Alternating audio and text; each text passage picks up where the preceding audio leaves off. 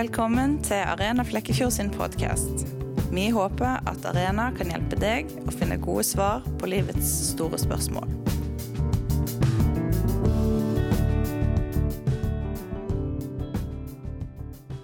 Mitt navn er Bjørn Hinderaker. Jeg bor her i Kristiansand. Og jeg jobber på NLA Mediehøgskolen Gimlekollen. Vi har et studium her som heter kommunikasjon og livssyn som er et studium i, i, i, om formidling i et livssynsmangfold. Som da også må inkludere trosforsvaret. Det å forklare og forsvare troen sin i møte med spørsmål, innvendinger og livssynsalternativ. Så vi arbeider med noe av dette feltet som dere holder på med i Arena. Det vi kaller kristen trosforsvar eller, eller apologetikk.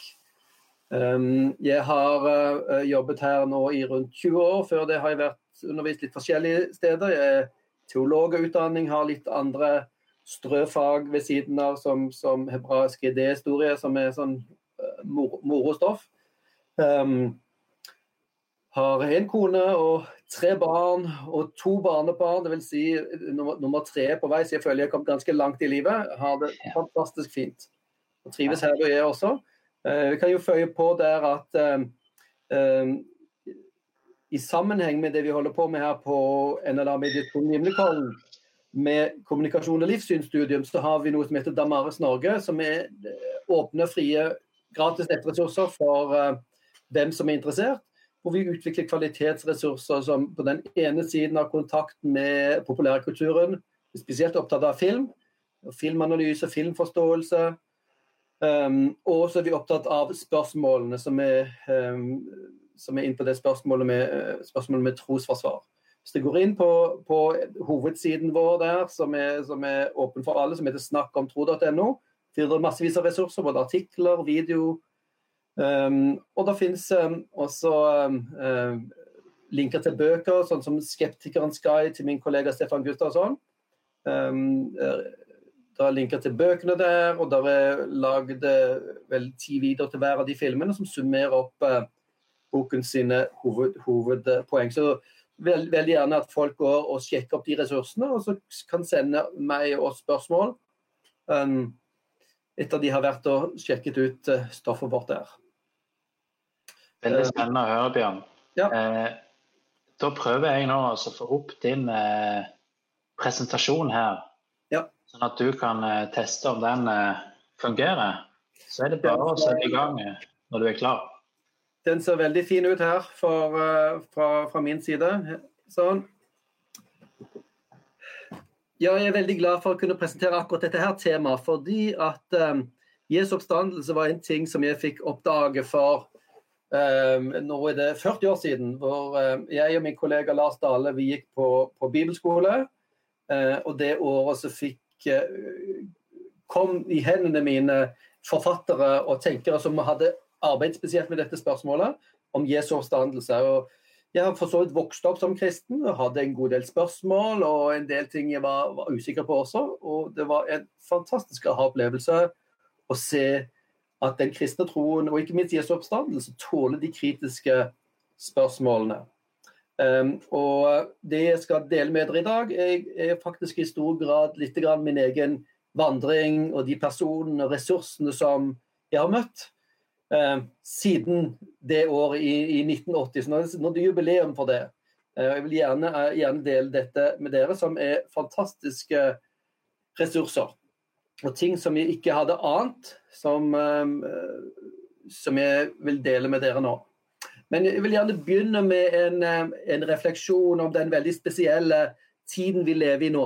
Her ser dere en musling, en, en, en østers, og min kollega Stefan Gustavsson eh, skrev en artikkel nå forrige uke om, eh, om, om, hvordan den krisen vi nå lever under, den viser vår sårbarhet. Vi i Vesten vi har lenge levd som en lukket musling, hvor vi stenger oss ute og stenger oss inne i vår egen trygghet og holder Gud ute. og, og skal beholde kontrollen over våre liv på egen hånd. Og nå opplever vi at um, det er visst ikke så enkelt. Vi har visst ikke helt kontroll. Vi er fortsatt sårbare. Um, og de store spørsmålene presser seg på. Og spørsmålet er jo er det noe mer enn denne muslinglivet som vi har skapt for oss selv. Hvor vi ser da for oss at det ikke finnes noen Gud, og heller ikke noen større mening med livet. Uh, og min uh, formidling i dag vil faktisk peke på at det finnes noen eh, sprekker i dette her skallet. Både, både, vår sårbarhet peker jo på at det finnes noe annet. Vår lengsel etter både fellesskap, mening, kjærlighet og rettferdighet peker på noe større. Og faktisk Jesu oppstandelse er en av de tingene som, som antyder at det finnes noe mer her i verden. Gud som har brutt seg inn i vår verden og, og, og viser at det finnes, finnes altså noe mer. De vil gjerne at jeg skal være med meg og utforske det i dag. Vi lever ikke i et lukket univers. Det vil si, Gud bryter inn i vårt univers, er oppstandelsen en peker på. Og så er det jo slik at Jesu oppstandelse er jo et liv og død-spørsmål. Det dreier seg jo om døden, og dermed også om livet. Hva er livets mening? Og Hvis det skulle nå være slik at eh, Jesus faktisk har stått opp fra de døde, så er det jo faktisk en nøkkel for å forstå livet. Og forstå det som er forlengelsen av livet, om det finnes noe liv etter døden. Eh, men det betyr ikke at jeg vil at dere skal sluke dette fordi det er sånn fantastisk mulighet at dere skal sluke dette rått. Uh, men nettopp bevare deres uh, kritiske refleksjon over dette. her. Og det er også slik at, at Dette spørsmålet om Jesu oppstandelse er jo et være eller ikke være for kristen tro. Hvis ikke Jesus sto opp fra de døde, ja, da er ikke den kristne troen verdt å samle på. Det sier jo uh, apostelen Paulus veldig tydelig i 1. Korinterbrevet kapittel 15. Hvis, hvis Jesus ikke er stått opp, da er deres tro meningsløs. Og vi er de ynkeligste av alle mennesker som har satt vårt liv, vårt liv til, til Jesus som den oppstandende. Og uh, Derfor er det også ekstra interessant å utforske dette. Jeg tenker Om du er, om du er skeptiker ja, ja, dette er stedet hvor du hvor du kan finne, finne det, det, eventuelt svakeste punktet ved kristen tro som diskvalifiserer deg. Andre spørsmål som om skapelse eller jomfrufødsel eller andre ting, det er, det er, periferi. Og der kan man ha ganske sprikende meninger og osv. Um, og, og det kan sånt, Om så, om så Jesus Kristus skulle tatt feil om det, så hvis Jesus sto opp, så står likevel dette fast. Men om Jesus ikke sto opp, så er det jo ikke noe verdt å tro på Jesus. Så jeg vil gjerne at dere benytter denne anledningen til å utforske den kristne troens holdbarhet med dette temaet. Så er jo det første spørsmålet vi må stille her, men er det mulig? For det er jo slik at per definisjon så er jo oppstandelse et, et mirakel. Og i mange, manges øyne så er det jo nettopp det som gjør det umulig. Og Da er vi tilbake til denne eh, moderne muslingen. ikke sant? Vi har stengt oss inne i et skall. Vi definerer Gud ut av virkeligheten. Og det er jo slik at ja, så lenge du er inne i skallet der og definerer Gud ut av virkeligheten, naturen og alt som finnes, så er jo underet umulig og oppstandelse umulig. Eh, men hvordan kan vi vite det? Vi kan kun vite det hvis vi kan utelukke Guds eksistens. Det er kun umulig hvis vi kan utelukke Guds eksistens på forhånd. Og der jeg tenker at Det er kanskje en fordel å være agnostiker fremfor å være en ateist. Um, og i hvert fall holde det åpent. Ja, OK, vi har muslingen vår, vi har vårt liv, vi tror på liv i naturen her. Vi kan ikke utelukke det, men kom i så fall med noen, eh, noen skikkelige beviser. Og det mener vi vi kanskje har her. Ikke minst ved Jesu oppstandelse. Og så kommer spørsmålet selvfølgelig eh, Ja, hvis det er i prinsippet mulig, men kan det utforskes historisk? Um, for, for uh, forskere osv. De, de har jo kun tilgang til det som har satt spor i historien. Og når alt kom klart, var jo faktisk ingen til stede under selve Jesu oppstandelse. Um, og um, hvordan kan vi historisk utforske noe sånt. Ja, men da vil jeg svare at jo, det er jo slik som med alt fra historien. For historien setter spor. Alt det vi vet fra tidligere historien, er ut fra spor, og som setter oss på sporet av forståelser eller forklaringer.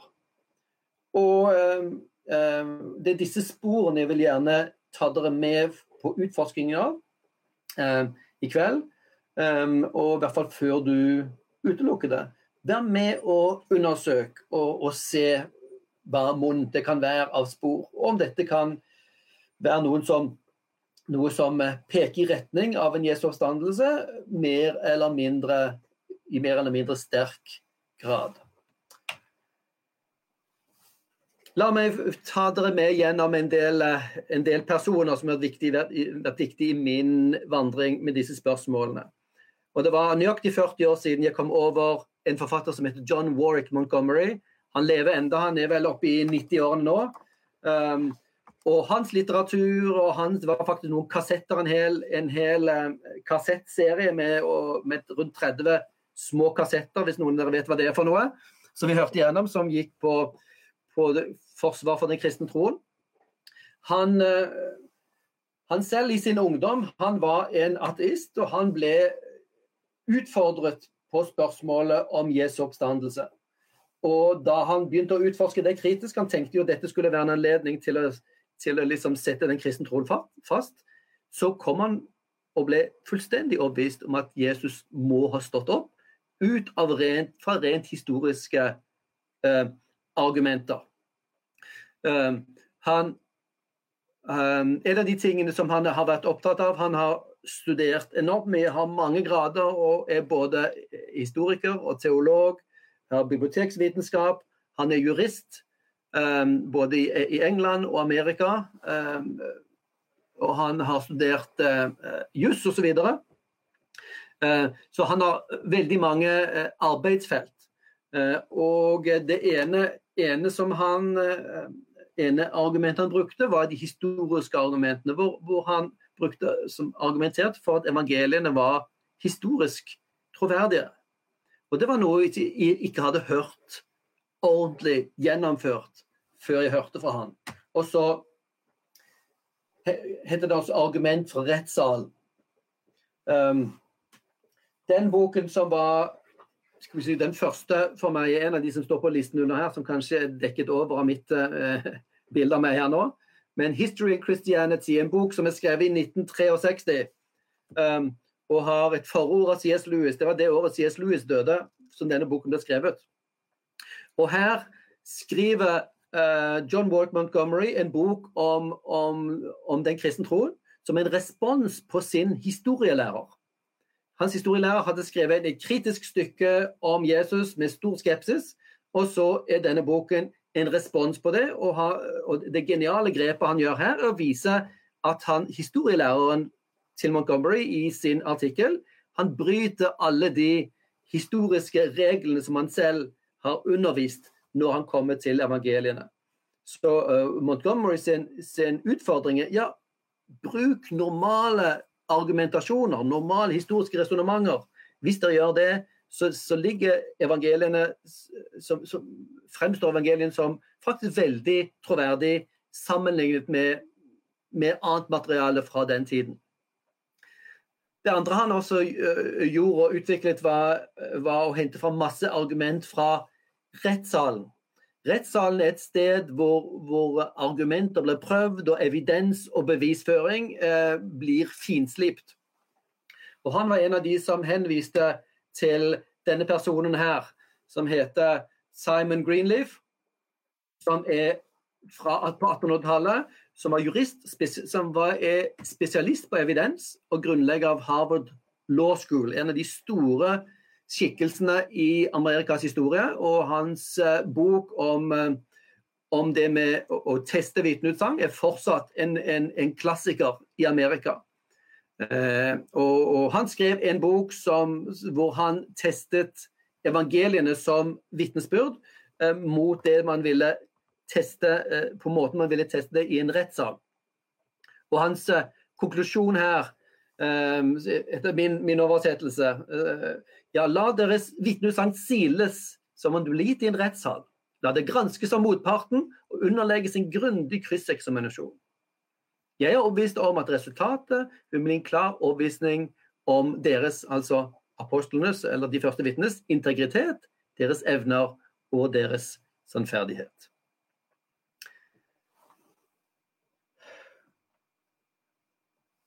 En litt uh, nyere person. Han her, uh, Personen heter Jim Warner Wallace. Um, han er i full sving i våre dager, og han er en cold case-detektiv. Og har utviklet noe som heter cold case Christianity. Han var, en, uh, han var altså en detektiv som forsket på gamle mord. Og når du forsker på gamle mord, så er det cold cases. Du har kanskje ikke noe lik, du har ikke noe våpen, du har ikke noen øyenvitner og så skal du likevel få, få, finne ut hvem som er morderen, og dømt, dømt de skyldige. Det er hans spesialitet.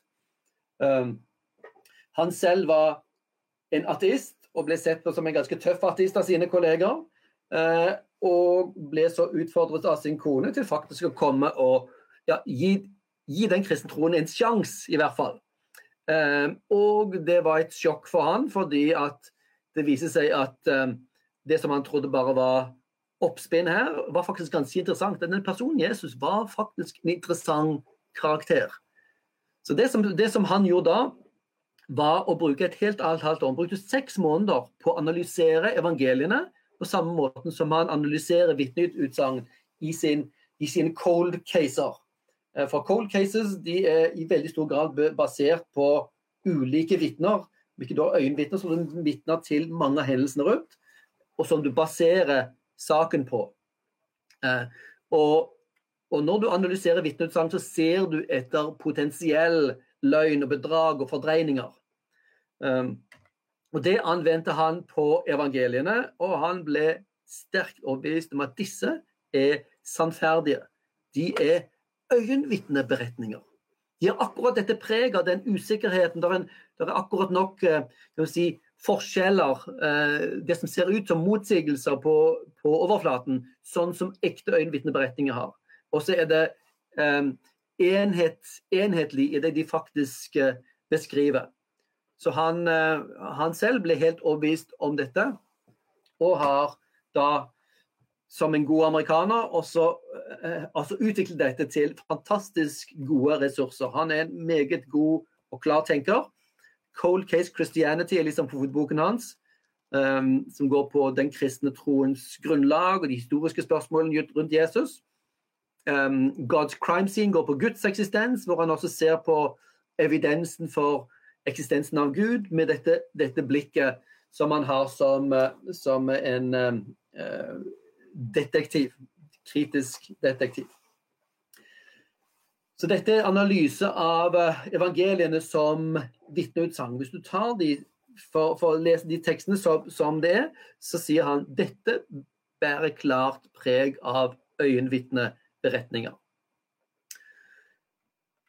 Så har du så har du noen andre skikkelser her som jeg møtte ganske mye før eh, eh, William Wallace. Og det er da to navn. og Den ene av disse heter Gary Habermas, som skrev sin avhandling i 1976 om Jesu oppstandelse. Og Det er han som har utviklet det, eh, det som vi kan kalle minimum facts. Uh, og, og, og det, det, som var hans argument, er at OK, uh, når det gjelder omstendighetene rundt Jesu oppstandelse, så er det et bredt spekter av fakta som kritiske forskere er enige om. Og som både er eh, styrket av sterke argument, og som det er også faglig bred enighet blant fagfolk om. Og, og eh, blant de ti uh, minimumsfakta som man, som man mener det er bred enighet blant fagfolk om, var at Jesus døde, Jesus ble lagt i en grav. Disiplene var desillusjonert etter Jesu død. Graven ble funnet tom. Jesus opplevde noe, de eh, noe, opplevde noe, de forsto som møter med Jesus som, som oppstått. Jesus, Jesu etterfølgere ble forandret og villig til å lide for sin tro etter dette hendte. Budskapet ble spredt i Jerusalem. Dette budskapet skapte den kristne bevegelsen. Eh, feiringen av søndag, um, som, som, var forandringen fra den jødiske sabbatsfeiringen, at det var søndagsfeiringen. Og det tiende faktum er Paulus sin omvendelse og vitnesbyrd. Disse ti fakta er, eh, kan man bruke til å, å, formulere en case for oppstandelsen. Vi trenger en forklaring på disse ti fakta som forklarer alle best mulig og greiest mulig og på lettest mulig vis. Um, og det mener han er Jesu oppstandelse er det eneste, eneste forklaringen som, uh, som har holdbarhet i møte med disse ti minimumsfakta. Som ikke betyr at det ikke er mange andre fakta du kan argumentere for, men disse fakta er det veldig bred enighet om blant fagfolk uh, av ulik typer livssyn. blant både kristne og jødiske ateister og agnostikere. Blant fagfolkene er det bred enighet om alle disse ti minimumsfakta. Noe eh, lignende eh, tilnærming bruker William Lane Craig, som er en av de aller fremste kristne trosforsvarere i dag. Han har skrevet veldig mye om dette, bl.a. i sin bok eh, 'Reasonable Faith'. Um, og han, han uh, for, for, å gjøre uh, diskusjonen enda enklere, så snakker han om tre kjernefakta, eller kanskje også, også, fire, men hvis vi nevner bare disse her tre, så er, så er de enormt sterke argument samlet for Jesu oppstandelse. Det første kjernefaktum er at Jesu grav ble funnet tom av en gruppe kvinnelige tilhengere den første dagen uken etter korsfestelsen. Graven ble funnet tom av en gruppe kvinnelige tilhengere den første dagen uken etter korsfestelsen. Ehm, dette er det bred enighet om, og dette støttes av veldig mange ulike typer argumenter. Ehm, det andre er ulike enkeltpersoner og grupper hevder å ha sett Jesus levende under ulike omstendigheter. Det første er at graven var tom. Det andre er at ulike enkeltpersoner og grupper hevder å ha sett Jesus i livet under ulike omstendigheter. Dette er det også bred enighet om, men de er ikke enige om at, om at de faktisk har sett Jesus, men de har opplevd noe som de selv har tolket som det å ha sett Jesus i livet. Og eh, det siste faktum er at Jesu første disipler trodde oppriktig at Jesus hadde stått opp fra de døde, på tross av hva de trodde på forhånd. Det var ikke slik at disiplene gikk rundt og forventet en oppstandelse. Um, oppstandelsen kom som et sjokk på dem. Det er veldig tydelig i evangeliet. De hadde ikke særlig grep på dette før i etterkant at de kunne forstå hva dette her var for noe. Uh, og at de trodde dette oppriktig, det er også en, en, en bred enighet om det blant uh, fagfolk uh, i, i, vår tid. Og så er det disse tre fakta som trenger å forklares. Da kan man sette opp ulike typer hypoteser om hva kan ha skjedd. Um, hallusinasjonshypotesen er en av de, tanken om at, disippelen hadde en hallusinasjon. Um, da må man jo også forklare den tomme grav, og hvordan disse hallusinasjonene faktisk kunne være med å skape den troen på Jesu oppstand som ikke de hadde forutsetninger for, um, for å tro på på forhånd. Eh, eller at uh, disiplene stjal Jesu legeme, eller at romere flyttet på det, eller at de gikk på feil grav. Det fins en masse, masse, ulike teorier som man kan eh, fremme her. Men er, blant fagfolk er det jo faktisk ikke noen teorier som man nå kan du si, er enige om at er holdbare. Det står egentlig som et stort spørsmål blant fagfolk. Um, og uh, ja, det, det, ser, det, ser, ut til å ha skjedd noe, uh, men vi vet ikke helt hva. Vi vet ikke helt hvordan dette skal forklares. Dette er, um, dette er Gary Habermas og William Lane Craig som, som bruker dette minimumsfakta. Hvor, hvor, poenget der er at, at når, når, du har en bred enighet blant fagfolk om disse tingene, så er det de som, som, vil, de som vil, utfordre disse, som har bevisbyrden. ikke sant? Um, om de skulle fornekte at graven var tom, f.eks., eller at de skulle utfordre faktum at de, at, at de, første kristne hevdet å ha sett Jesus osv. Det er, en, det er flere, flere fagfolk som er verdt å lære av. Den, en av de aller fremste historikere i dag som er spesialist på Jesu oppstandelse, er Tom Wright, eller NT Wright. Um, som uh, bl.a. har skrevet denne her mursteinen av en bok her, 'The Resurrection of the Son of God'. Um, han har skrevet veldig mye, men hans spesialitet må vel kanskje kunne sies å være uh, Jesu oppstandelse. Og uh, det som han uh, har som utgangspunkt i, sin, si, i, i denne her bo boken, er hvor kommer den ideen om en død og oppstått Messias fra? For det var jo kjernen i det første kristne budskap. Hvordan oppstår en sånn en tro? Noe så motkulturelt, noe så latterlig, for dette her var jo ikke bare en som var tilfeldigvis død og så leve igjen. Dette var en som hadde hengt på et kors, splitter naken. Den ytterste skam og ydmykelse. Hvordan kan det være at denne personen blir hyllet som Guds sønn og erklært som oppstått?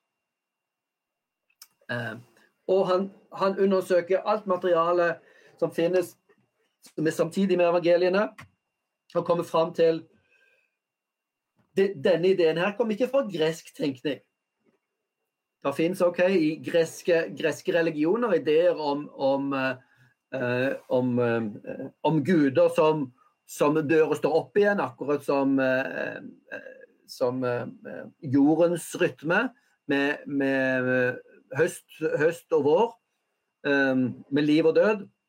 Men vi vet at jødene var veldig skeptiske til slike myter. Det er, er ingen, ingen, spor av, av hentinger fra, fra, den, henting fra den greske tankeverden i beretningene om Jesu oppstandelse.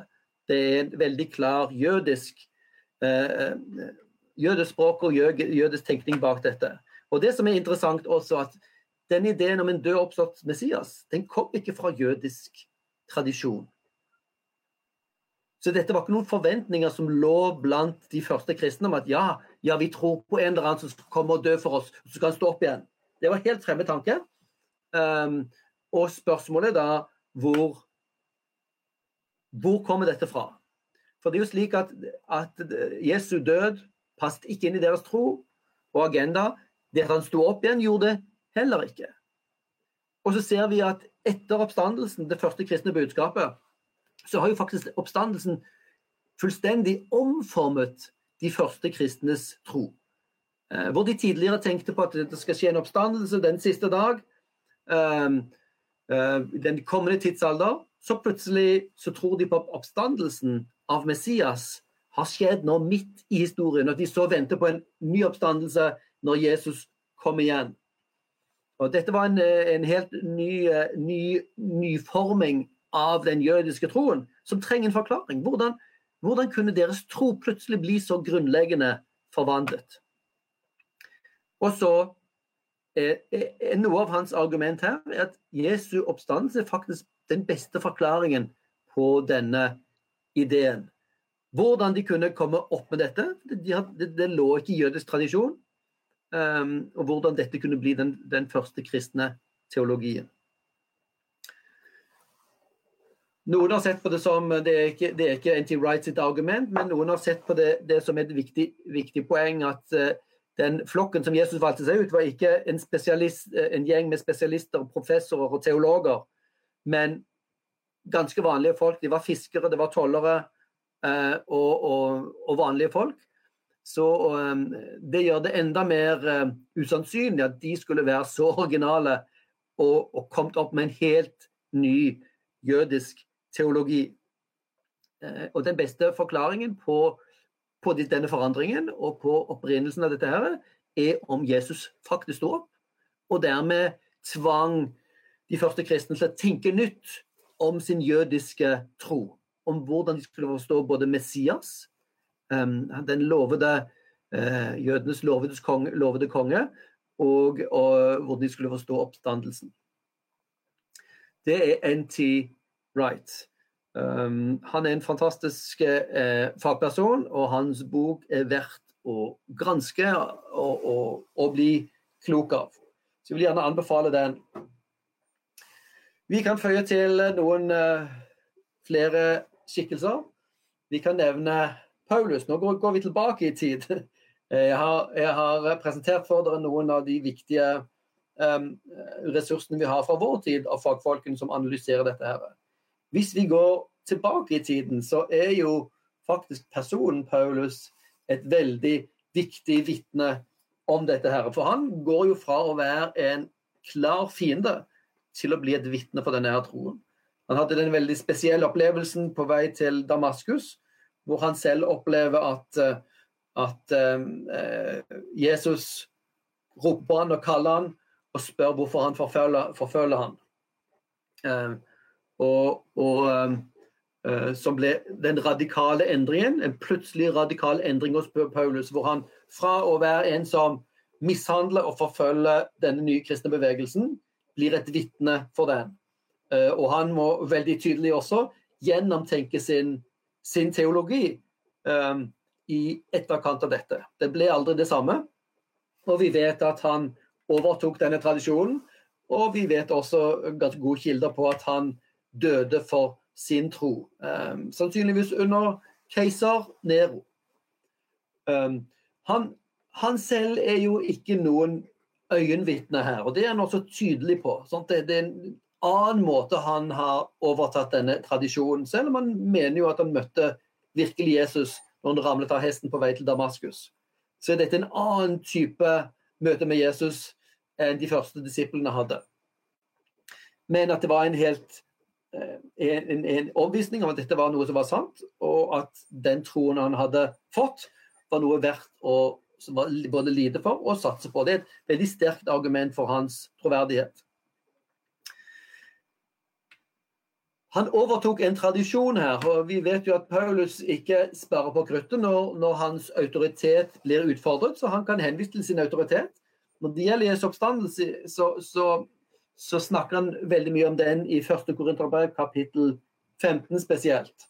Og der er hans poeng eh, at først og fremst, sier han, overga jeg det til dere det jeg selv har mottatt. Paulus understreker at dette er en slags overlevering som han har fått.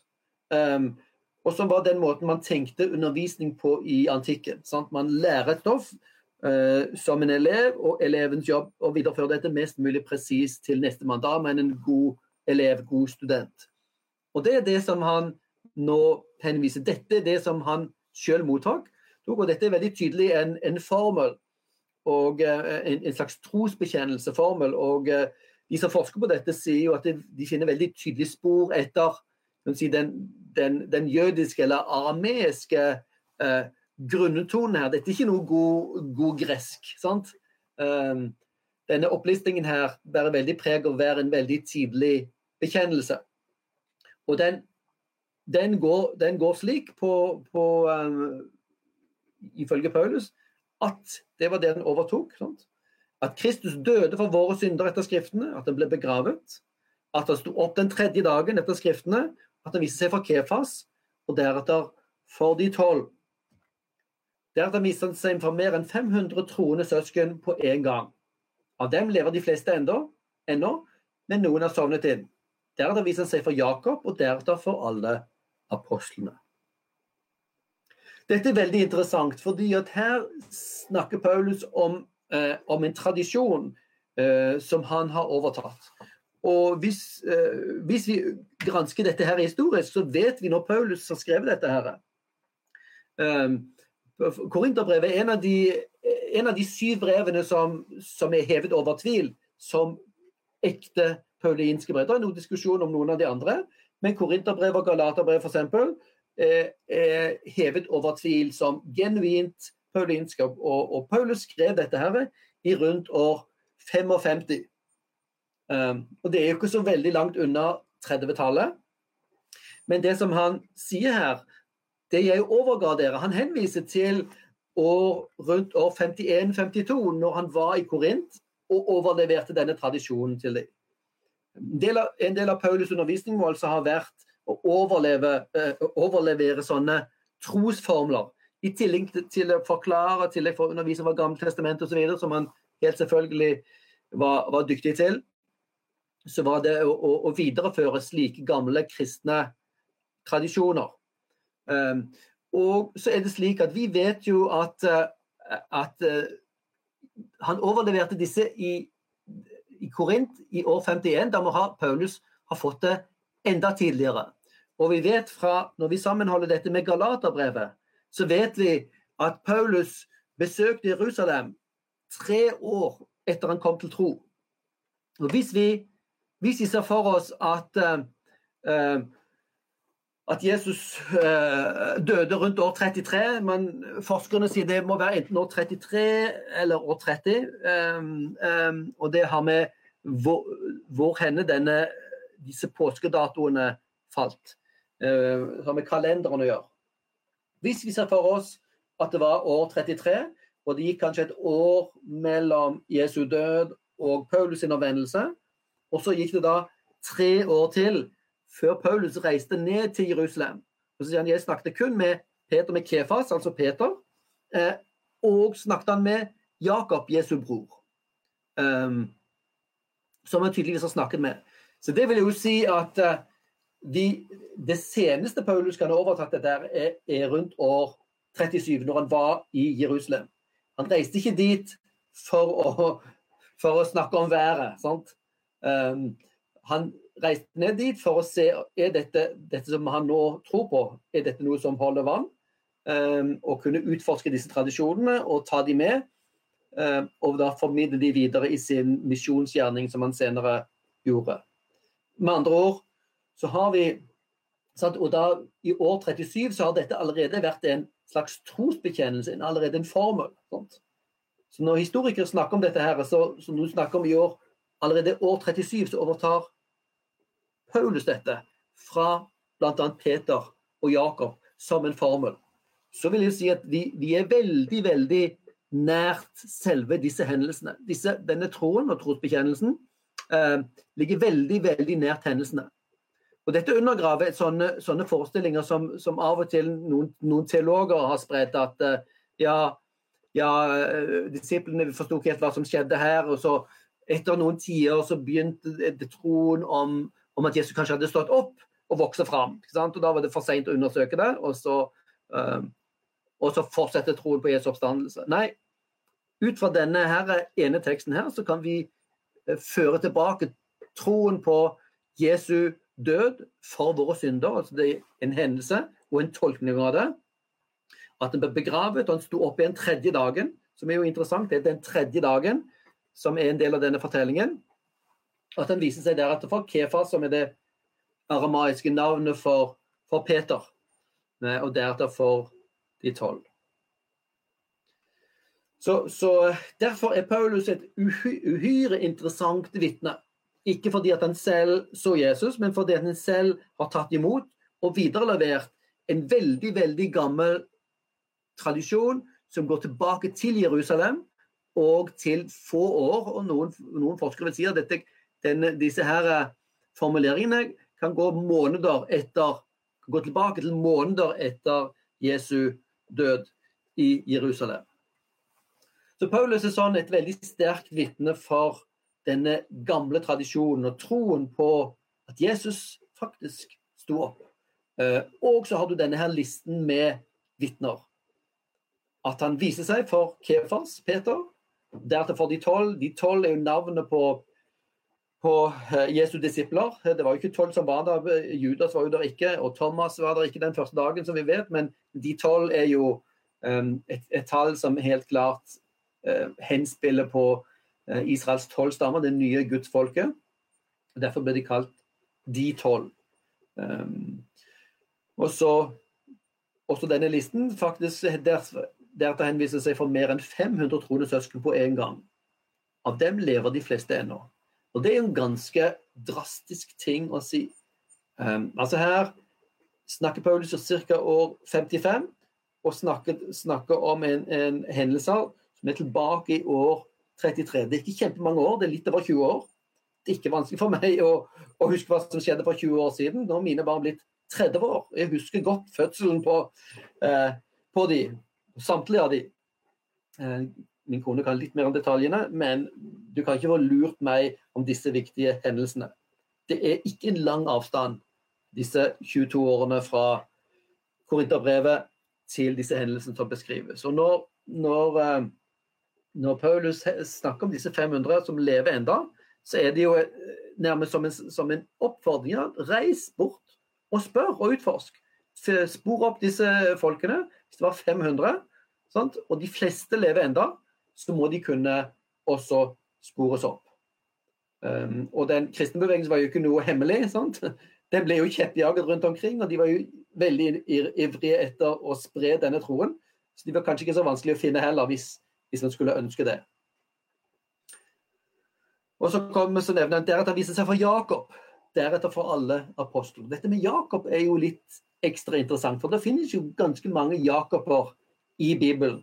Uh, det finnes en, en uh, apostel som heter Jakob, men her henviser det nok til Jesu bror Jakob, som plutselig får en veldig interessant rolle i den første kristne kirke. Og Det er den siste karakteren jeg vil, eh, personen jeg vil henvise dere til som et vitne på disse eh, på, til, til, Jesu oppstandelse. Det er Jakob, Jesu bror, som, som, med all sannsynlighet også er forfatteren bak Jakobs brev. Som jo strengt tatt ikke er egentlig et sånn normalt brev, men det er mer en slags eh, halvveis, halvveis preken. Um, å skrive og sende brev var dyrt i den tiden, så, så det å skrive prekener var vel så, vel så interessant. Um, skal du si noe viktig, så kan du like godt gjøre det med brev og få det, og få det skrevet ned. Og Det er Jakobs brev, om du leser dette. Det som gjør Jakob ekstra interessant, er den informasjonen vi finner i evangeliene om at Jesu familie ikke trodde på han mens han levde. Eh, vi har fra Markus 3 Eh, om eh, fortellingene rundt hva Jesus gjorde i, i og alle disse undrene og alle folk som stimlet sammen rundt Jesus. Hvordan Jesus begynte denne her konflikten med de skriftlærde osv. Så, så, så ble hans, da hans nærmeste, altså når familien hans hørte det, gikk de av sted for å ta hånd om ham. For de sa han har gått fra forstand. Ganske sterkt. De er hans nærmeste. Og så meldes det litt senere her ja, mor, din mor og dine brødre og dine søsken er utenfor, brødre og dine søstre, er utenfor og spør etter deg. Og det er en ganske sterk ting i en, en veldig familiefokusert, autoritetsfokusert kultur, hvor Jesus tydelig vende seg rundt de som han holder på å forkynne til. Og den disippelen som han samler rundt seg. Hvem er mine søsken? Se, her er mine søsken. De som gjør Guds vilje, Eh, den som gjør Guds vilje, er min bror og søster og mor. Eh, en ganske sterk respons fra Jesus til det som var familien, som, som nå var dypt bekymret for han og ville gjerne rive han ut av denne her eh, galskapen som de syntes, byg, eh, bygde seg opp rundt ham. Og så Litt senere i det samme evangeliet så så uh, nevner Jesus når han ble avvist i Nasaret. En profet blir ikke foraktet noe annet sted enn hjemstedet sitt, blant sine slektninger og i sitt eget hus. Sitt eget hus, sitt eget hjem. Um, det skal ganske mye til i, altså, som sagt, en, en, kultur hvor familie og slekt betyr så mye. Og her markeres jo rett og slett at hans Jesus-slekt var, var en, en, av de Eh, var de som forakta han eller avviste han. De var ikke blant Jesu etterfølgere. Det må ha vært en tung ting å svelle for Jesus, og det må ha vært en kjempetung ting å svelle for, for hans nære familie, som var dypt bekymret og ikke forsto hva dette var som skjedde rundt ham. Og i Johannes 7 så sies det samme. Heller ikke hans brødre trodde på ham. Eh, det viste seg at Jesus har både brødre og søstre. Eh, og her sies det heller ikke hans brødre trodde på ham. Og det er interessant opplysning. For etterkant av oppstandelsen, så hører vi ja, Jesus viste seg for Jakob. Spesielt. Det ser ut som Jesu bror Jakob har fått et spesielt møte med Jesus. Og det, Han kommet i den listen til, til Paulus. Og det vil jo også forklare i første Korinterbrev kapittel 5 det vil forklare hvorfor han kunne snu så direkte. Og han ble senere leder blant de kristne i Russland. Det er en ganske interessant ting. En som ikke har vært blant Jesu apostler, men som har vært skeptiker. Eh, og som egentlig har avvist Jesus, og som, som egentlig selv ble strengt tatt ble sett på plass av Jesus, men under hans virke. Så trer han fram og blir en av lederne for de kristne i Jerusalem. Og Vi ser hvordan, de, hvordan Jakob er en av de som, som, leder den diskusjonen, sammen med Peter i Jerusalem. Eh, hvor uh, sannsynligvis var, var, var, vel kanskje Jakob en enda mer lærd og belest person enn en fiskeren Peter. Så Peter og Jakob var de store, ble de store lederne i Jerusalem. Du finner dette i både apostelgjerningene 15 og Galaterbrevet 1. Det er uhyre merkelig tatt i betraktning hans fortid som skeptiker. Og fra Josefus så vet vi han ble steinet, um, sannsynligvis i år, rundt år 62, um, uh, i Jerusalem, hvor, uh, hvor de um, saduserende, de som ledet til tempelet, fant en anledning mellom, uh, mellom utskiftingen av lederne, av de romerske lederne her, så fant de en anledning til å kunne ta for seg denne første kristne lederen i Jerusalem, og fikk han av veien. Um, og det ville vært fantastisk enkelt for han å bare skifte et parti. Og bare innrømte at Jesus var bare et bedrag, vi har aldri sett han levende. Dette er ikke noe, uh, er ikke noe å tro på. Så kunne han både blitt uh, både berget livet og kanskje fått en flott karriere um, blant, uh, blant de skriftlærde. Men han gir sitt liv år 62. Et sterkt vitnesbyrd også om Jesu oppstandelse.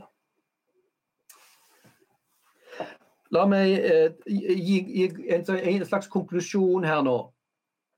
Og Da vil jeg gjerne sitere en av, en av mine eh, forbilder i formidling, som heter C.S. Lewis, som har skrevet bl.a. Eh, den kjente boken 'Se det i øynene' og Narnia-bøkene og filmene som er kjent for veldig mange andre. Han selv var ateist, en ganske hardbarka og sint ateist i sin uh, ungdom og voksne tid, før han kom til kristen tro. Um, og hans, uh, hans, vei til tro er veldig interessant. Uh, vi skal ikke ta den for oss, den kan dere lese mer om på våre podkaster og, og, nettsider. Um, men han, han, snakker om den, den kristne troen ikke bare som, som om den basert på et faktum. Jeg tror på kristendommen, sier han. Slik jeg tror at solen har stått opp.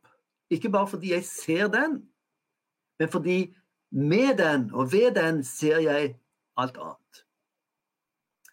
Og Sånn sett vil jeg også si at i, i forhold til Jesu oppstandelse, så, er, så er, er, det noe som jeg har kommet til å se som et veldig, veldig godt bevitnet faktum.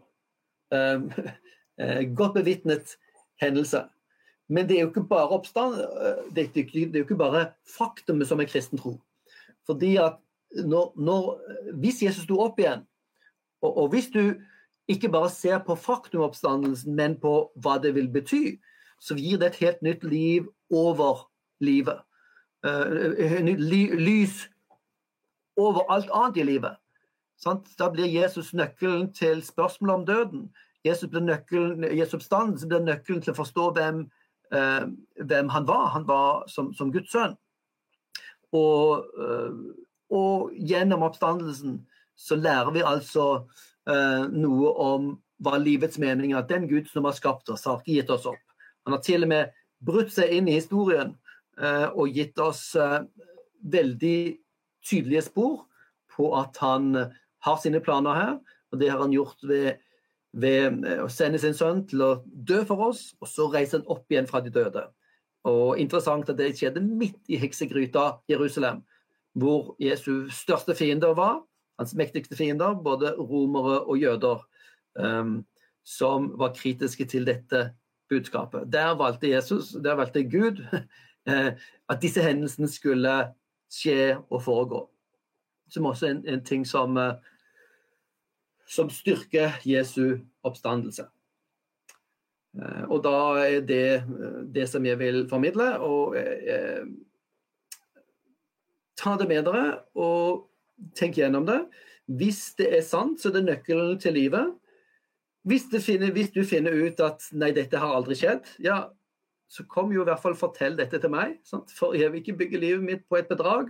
Hvis ikke Jesus faktisk har stått opp, så tenker jeg da det den kristne troen ikke er verdt å holde fast på. Um, men så langt er sterkt overbevist, og uh, faktisk uh, jo flere innvendinger og spørsmål som dukker opp, og når du ser hvordan de besvares uh, ved nærmere undersøkelse, så befester det min tro på eh, Jesu oppstandelse. Dermed også at han er Guds sønn og veien til livet. Takk for at du hørte på dagens episode. Hvis du vil vite mer om Arena, kan du finne oss på Facebook. Der heter vi Arena Flekkefjord. Eller gå inn på hjemmesida vår arena-flekkefjord.no. Vi vil gjerne høre fra deg, og vi håper at vi ses på Spira.